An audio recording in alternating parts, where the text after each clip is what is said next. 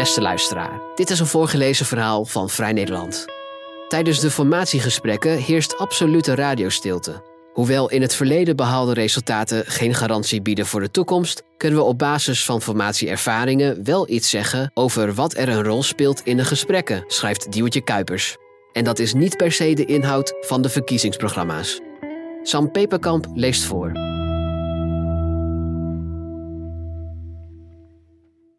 Kwartetten met onze waarden. Zo typeerde Partij van de Arbeid politicus Lodewijk Asscher de formatie van 2012. Informateur en partijgenoot Wouter Bos had volgens een NRC-reconstructie 40 glimmende A4'tjes met handgeschreven tekst gemaakt, waarop de belangrijkste onderwerpen stonden. De formerende partijen, de VVD en de PvdA, mochten om de beurt een kaart trekken. Het onderwerp dat je trok, daarover mocht je een voorstel schrijven, dat voor 80% was gebaseerd op het eigen verkiezingsprogramma. NRC-columnist Thijs Niemandsverdriet schreef: Koos Rutte voor bezuinigingen, dan trok Samson nivelleren. Pakte Samson hypotheekrenteaftrek, dan greep Rutte naar arbeidsmarkt. Enzovoort. Het was een methode die Bos had opgedoken in de consultancy, mindmapping. Dat is een visuele manier om gedachten, uitgedrukt op post-its, whiteboards of kaarten, te ordenen en vervolgens te structureren. Hoewel het ordenen van standpunten en gedachten kan helpen tijdens onderhandelingen, was het beeld van de met waarde kwartettende sociaaldemocraat, één die zijn politieke carrière had ingeruild voor boardrooms, een pijnlijke. De plechtige, zich in stilte afspelende formatie bleek achter gesloten deuren te zijn gereduceerd tot een consultancyklus. Het beeld is net zo verleidelijk als dat het incompleet is. Het slaat de onderhandelingen volledig plat. De formatie gaat om zoveel meer dan alleen een simplistische uitruil van standpunten. Politieke partijen hebben immers verschillende doelen die niet zijn samen te vatten in standpunten op post-its. Het is koffiedik kijken voor journalisten tijdens de formatie. Toen na drie dagen overleg op landgoed de Zwaluwenberg de deur weer openging, kregen de media te horen dat het eten goed was, de bedden prima sliepen en Caroline van der Plas van de BBB op haar gemak nog Ik Vertrek had kunnen kijken, s'avonds op bed. Wat het inhoudelijk opleverde? Ik zeg helemaal niks. Zo kon het Algemeen Dagblad noteren. Ondertussen proberen journalisten aan de andere kant van de gesloten deur informatie op te vangen. Zien we daar de directeur van de Nederlandse Bank, Klaas Knot, het Centraal Planbureau, Pieter Hazekamp, en secretaris-generaal van het ministerie van Financiën, Bas van der Dungen, naar binnen lopen, dan weet BNR Nieuwsradio te melden dat de formatie niet langer over de grondwet en de rechtsstaat gaat. Hoewel de Rijksvoorlichtingsdienst met een dusdanig logische verklaring kwam dat die direct niet zeggend werd, namelijk dat de drie toelichting kwamen geven bij de stand van het land wat betreft de financiën en de economie, werd er bij BNR volop koffiedik gekeken. De politiek verslaggever vermoedde namelijk dat de VVD graag wil dat zowel de PVV als BBB geïnformeerd worden over de overheidsfinanciën die partijen hebben veel plannen die veel geld kosten. Dat moet allemaal betaald worden.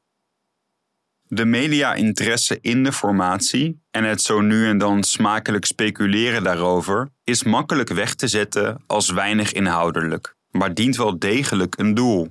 Als we de kabinetsformatie zien als een machtsstrijd tussen partijen, omdat de verkiezingsuitslag immers de machtsverhoudingen tussen de partijen heeft veranderd, is het volgen van deze strijd in al zijn facetten van belang. Tegelijkertijd is het probleem dat door in berichtgeving vrijwel exclusief te focussen op de inhoudelijke uitruil van standpunten en in hoeverre de onderhandelaars elkaar iets gunnen, onterecht het idee ontstaat dat partijen allemaal hetzelfde doel nastreven. Uit met name West-Europees onderzoek naar formaties blijkt dat politieke partijen niet allemaal hetzelfde nastreven zodra ze aan de formatietafel gaan zitten. Zeker, ze hebben een eigen partijprogramma, maar welke rol zij dit programma geven verschilt sterk. Sommige partijen willen heel graag meeregeren, zogeheten office seeking. en zijn daarom bereid om bepaalde concessies te doen op beleid of hun achterban iets meer teleur te stellen als dat een mooie ministerpost oplevert. Neem bijvoorbeeld de vlucht naar voren die Geert Wilders van de PVV nam vlak voor de eerste formatiegesprekken in Hilversum. Hij trok drie omstreden wetsvoorstellen in, waarmee hij liet zien bereid te zijn concessies te doen op zijn beleid, om de gesprekken richting een nieuw kabinet te bespoedigen. Overigens speelt hierbij mee dat de initiatiefwetsvoorstellen die Wilders introk niet de meest kansrijke waren. De Raad van State noemde bijvoorbeeld het islamverbod discriminerend en het plan rond het afschaffen van dubbele paspoorten zou groepen mensen als tweederangsburgers wegzetten. Administratieve detentie, het vastzetten van potentiële jihadis voordat er een veroordeling is, stond qua uitvoerbaarheid eveneens op gespannen voet met de rechtsstaat. De voorstellen hadden ook geen meerderheid in de Tweede Kamer. Toch liet Wilders hiermee zien beloftes aan zijn achterban in de koelkast te willen zetten, als dat een snellere formatie zou kunnen betekenen. Voor andere partijen zou het opgeven van standpunten nog voor de formatiegesprekken beginnen onacceptabel zijn, juist omdat ze zich hier zo hard op hebben geprofileerd. Partijen die vooral willen dat hun verkiezingsprogramma zo goed mogelijk wordt uitgevoerd, zogeheten policy seeking, zullen bijvoorbeeld eerder bereid zijn een prestigieuze ministerpost op te geven. Zo gaf partijleider Pieter Omtzigt van NSC aan wel premier te willen worden, maar niet onvoorwaardelijk. Het moest dan wel een kabinet zijn van vakministers. Premier worden en ministers leveren. Het is voor NSC aan de onderhandelingstafel minder van belang dan de inhoud van het verkiezingsprogramma. De partij blijft onvermoeid hameren op de rechtsstaat. Tot slot zijn er nog partijen die vooral de eigen achterban willen bedienen. Want mocht de boel klappen, dan heb je in ieder geval een goede kans op een terugkeer aan de onderhandelingstafels met nog meer zetels, zogeheten vote seeking. Geert Wilders bijvoorbeeld ging ook na de verkiezingen nog door met campagne voeren. En hoewel informateur Ronald Plasterk sinds het begin van de gesprekken de deuren goed gesloten weet te houden, waren diverse partijen, naast PVV ook BBB en VVD, in de vorige fase op sociale media druk met het uitdelen van sneren over zogenaamde politieke spelletjes. Politicoloog Alberto López Ortega vertelde eerder aan Vrij Nederland hoe met name nieuwe partijen, de uitdagers van establishmentpartijen, er baat bij hebben om actief aan hun kiezers te laten zien hoe het spel, waar ze tijdens de campagne zo kritisch op waren, werkt. Lopez Ortega zei: Het is het afzetten tegen red carpet politics. Bij de BBB leeft bijvoorbeeld het idee van stedelijke, hoogopgeleide mensen in maatpakken die de toekomst bepalen en andere gebieden uit het oog verliezen. Deze nieuwe partijen hebben, in tegenstelling tot traditionele partijen, geen enkele loyaliteit met de andere partijen waarmee ze mogelijk gaan samenwerken. Lopez Ortega vertelde: Als de onderhandelingen klappen doordat de traditionele partijen dwars zitten, hebben ze altijd nog de optie van nieuwe verkiezingen. Ga je meeregeren, je partijprogramma zo letterlijk mogelijk uitvoeren of je kiezers tussendoor zoveel mogelijk onder de kin kriebelen, welk doel je nastreeft en in hoeverre je informatie hebt over het doel van de ander, bepaalt je onderhandelingsstrategie. Politicologen gaan ervan uit dat de meeste partijen al deze doelen nastreven, maar dat ze in de formatie soms een moeilijke keuze moeten maken tussen deze drie doelen: meeregeren, beleid doorvoeren en kiezers voor zich winnen. Helaas kunnen we niet in de hoofden of de aantekeningenboekjes van de formerende partijen kijken. Toch kunnen we wel iets zeggen over de beperkende voorwaarden die voor alle onderhandelaars aan tafel tellen, omdat ze allemaal binnen hetzelfde Nederlandse parlementaire systeem moeten opereren en dezelfde geschiedenis met zich meedragen. Aan elk doel kleeft een risico en opvallend genoeg begeven vooral de partijen die nog meeregeren zich op electoraal glad ijs. De laatste decennia, en zeker onder de kabinetten van Mark Rutte van de VVD, zijn partijen sterk gericht op regeringsdeelname. Er is daarom stevast weinig animo voor het vormen van een minderheidskabinet. Altijd wordt er op zoek gegaan naar een numerieke meerderheid. Denk bijvoorbeeld aan de vorige formatie, toen de VVD beargumenteerde dat samenwerking met de PvdA en GroenLinks ook gewoon mogelijk zou moeten zijn. Dankzij de verzuiling lag er vroeger een brede basis voor kabinetten. Die basis is steeds smaller geworden, maar Nederlandse politici houden zich nog steeds vast aan het vormen van een meerderheid. Diverse politicologen, in Nederland bijvoorbeeld Tom van der Meer, hoogleraar aan de Universiteit van Amsterdam, hebben aangeraden om de optie van een minderheidskabinet te overwegen. Zowel coalitie als oppositiepartijen zouden zich dan kunnen profileren en het zou meer ruimte bieden aan dualisme tussen regering en parlement. Ook de Raad voor het Openbaar Bestuur en de Staatscommissie Parlementair Stelsel adviseerden in respectievelijk 2016 en 2018 om deze optie te onderzoeken tijdens kabinetsformaties. Maar vooralsnog lijkt dat niet te gebeuren. De antipathie tegen minderheidskabinetten is dermate groot dat D66 tijdens de vorige formatie, na bombastisch tegenstribbelen, uiteindelijk toch in zee ging met de vooral op medisch-ethisch gebied veel conservatievere ChristenUnie. Overigens waren ze bij de ChristenUnie eerder ook niet onverdeeld enthousiast over hun deelname aan het kabinet Rutte 3. Daarover zei partijleider Gertjan Segers in 2018 Soms moeten we een meloen doorslikken omdat we onze coalitiegenoten ons woord hebben gegeven. In landen als Denemarken en Canada zijn minderheidskabinetten intussen geen taboe. De Leidse politicoloog Rick van Wel zegt: Daar vinden ze juist dat vasthouden aan een meerderheidskabinet ondemocratisch is, terwijl we hier in Nederland precies het tegenovergestelde idee hebben.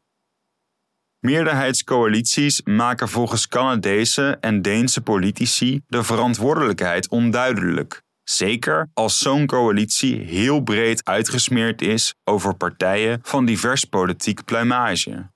Het viel van wel op dat in landen met minderheidscoalities vooral oppositiekamerleden heel erg gericht waren op het zoeken naar meerderheden om beleid uit te kunnen voeren.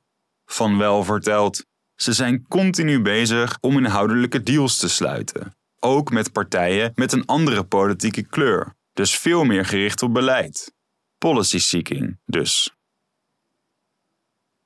Naast het streven naar meerderheidskabinetten wordt in Nederland ook vastgehouden aan het idee dat de grootste partij en de grootste winnaar van de verkiezingen het voortouw neemt in de formatie.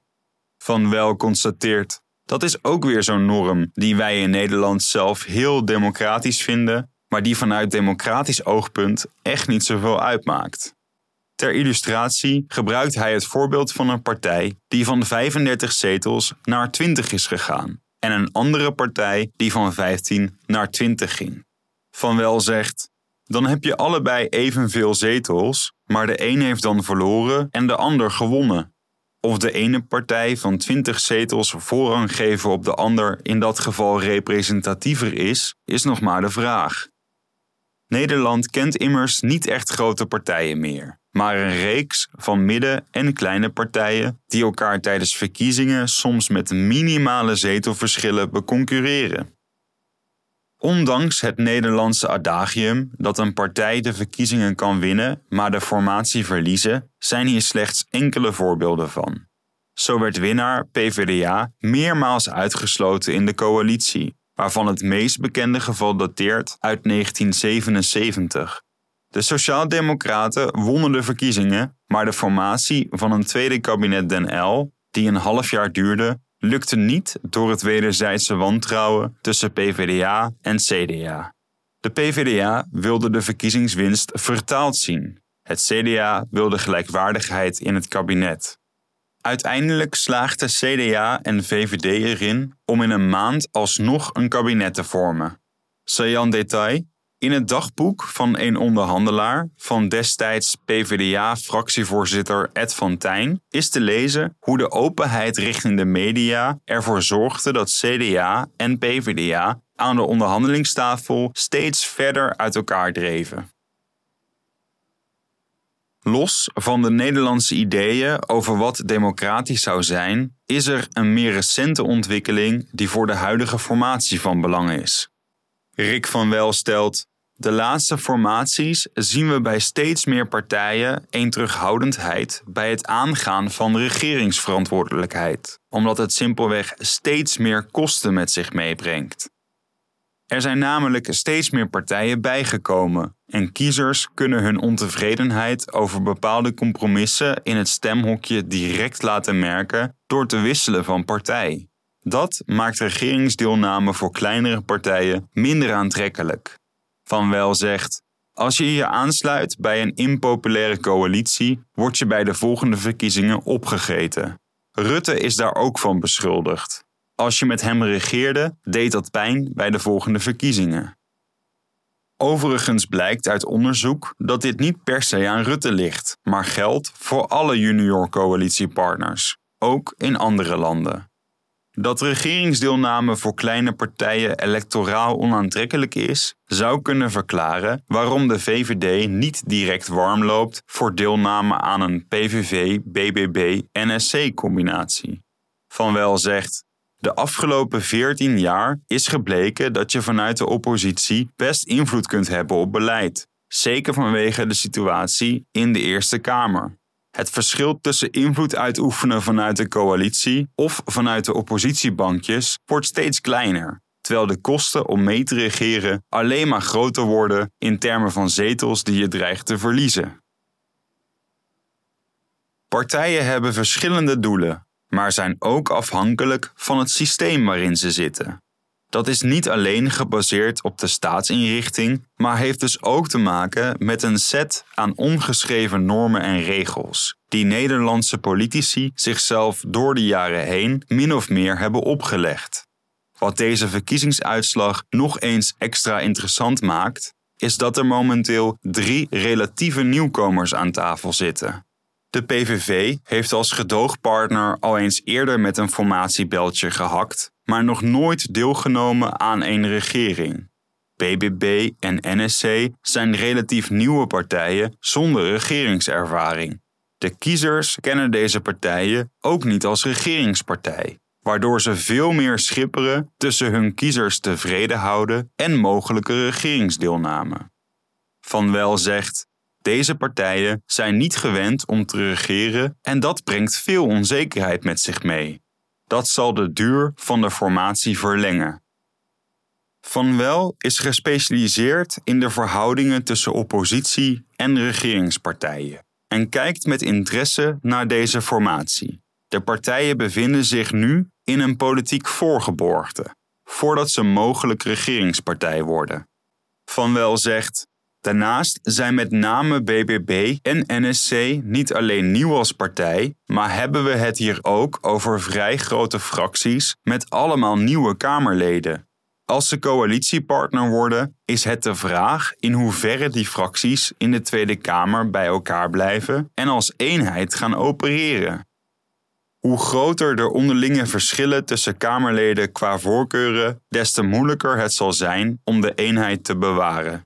Bij BBB, maar zeker bij NSC, kwamen in ieder geval de kiezers uit diverse ideologische windstreken aanwaaien. Van Wel zegt: Het zou kunnen dat we dit weerspiegeld zien in de fractie en de Kamerleden dus ook onderling verschillen van standpunten. Een andere voorspeller van fractieeenheid is de mate van loyaliteit die Kamerleden voelen.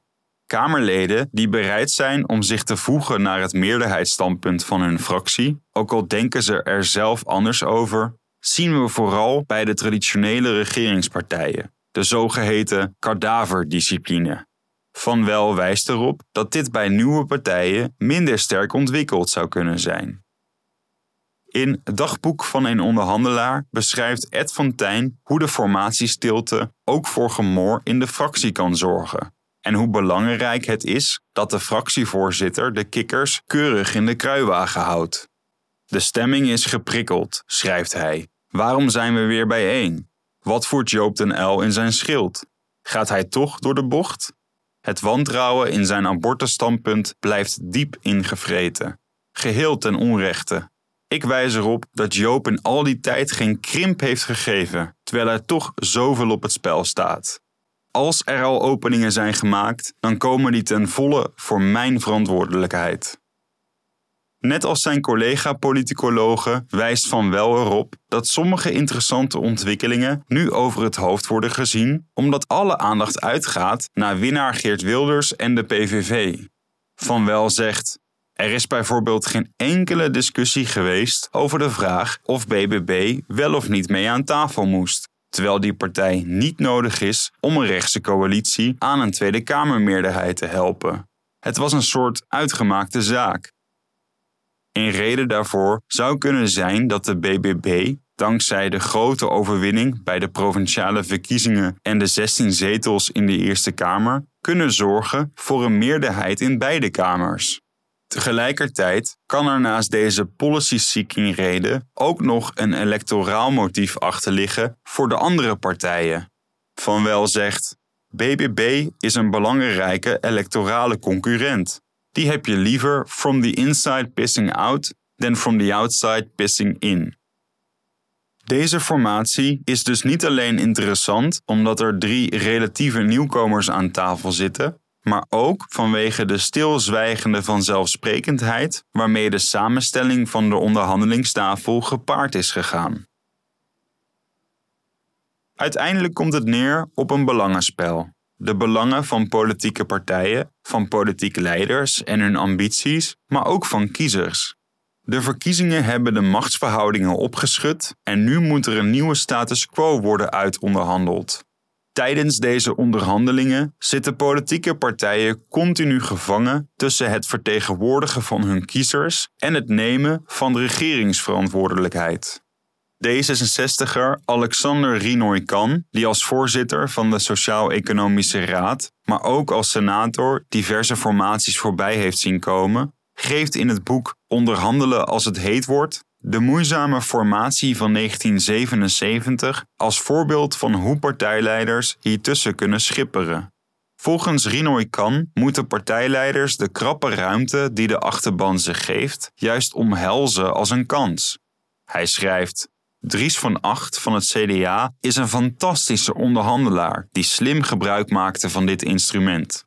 Na elke onderhandeling zei hij: Ik vond het geweldig waar we het allemaal over hebben gehad, maar sorry, mijn achterban wil het niet. Ed van Tijn had daar een even lastige achterban tegenover moeten stellen. Maar wat doet hij? Hij gaat naar zijn achterban en komt terug met een beetje concessieruimte.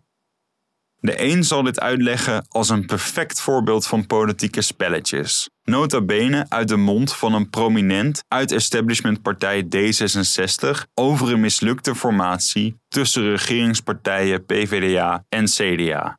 Een ander zal het zien als de onvermijdelijke consequentie van concessies doen in een meerpartijenstelsel zoals Nederland. Partijen zullen hoe dan ook water bij de wijn moeten doen. Toch is het gegeven van belang dat de marges waarbinnen partijen zich kunnen bewegen steeds kleiner worden. Er is de invloed van nationale en internationale rechtspraak. Europese regelgeving en kiezers zijn minder trouw aan een politieke partij. Van Wel zegt: Hierdoor zie je dat een nieuw soort oppositieterrein wint, de meer populistische oppositie, die zich dus vooral richt op de vertegenwoordiging van kiezers. Daartegenover staat een set van partijen die zich vooral richten op bestuurlijke verantwoordelijkheid. Neem bijvoorbeeld de term constructieve oppositie, die vooral onder voormalig D66-leider Alexander Pechtold werd gebezigd, maar ook werd gebruikt om de ChristenUnie en de SGP mee aan te duiden.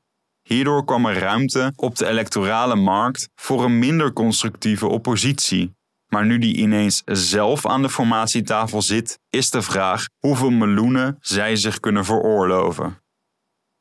Zoals het lastig is om in de hoofden van de formerende partijen te kijken, zo is het ook lastig te zien wat de kiezer precies verwacht.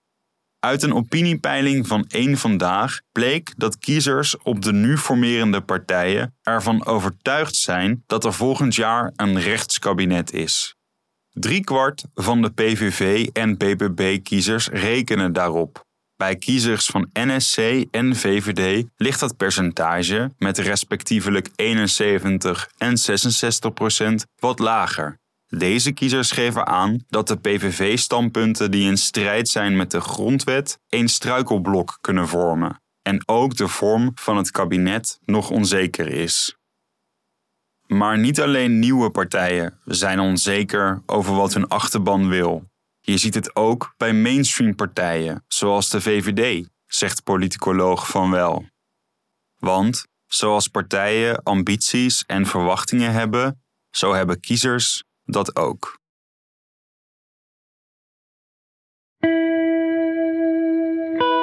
Wil je meer verhalen van ons lezen of beluisteren? Kijk dan op vn.nl of abonneer je op Vrij Nederland in je podcast-app. Voor onze trouwe luisteraars hebben wij ook een speciale actie. Een half jaar Vrij Nederland online voor maar 15 euro. Kijk voor de aanbieding en de voorwaarden op vn.nl/podcast. Bedankt voor het luisteren.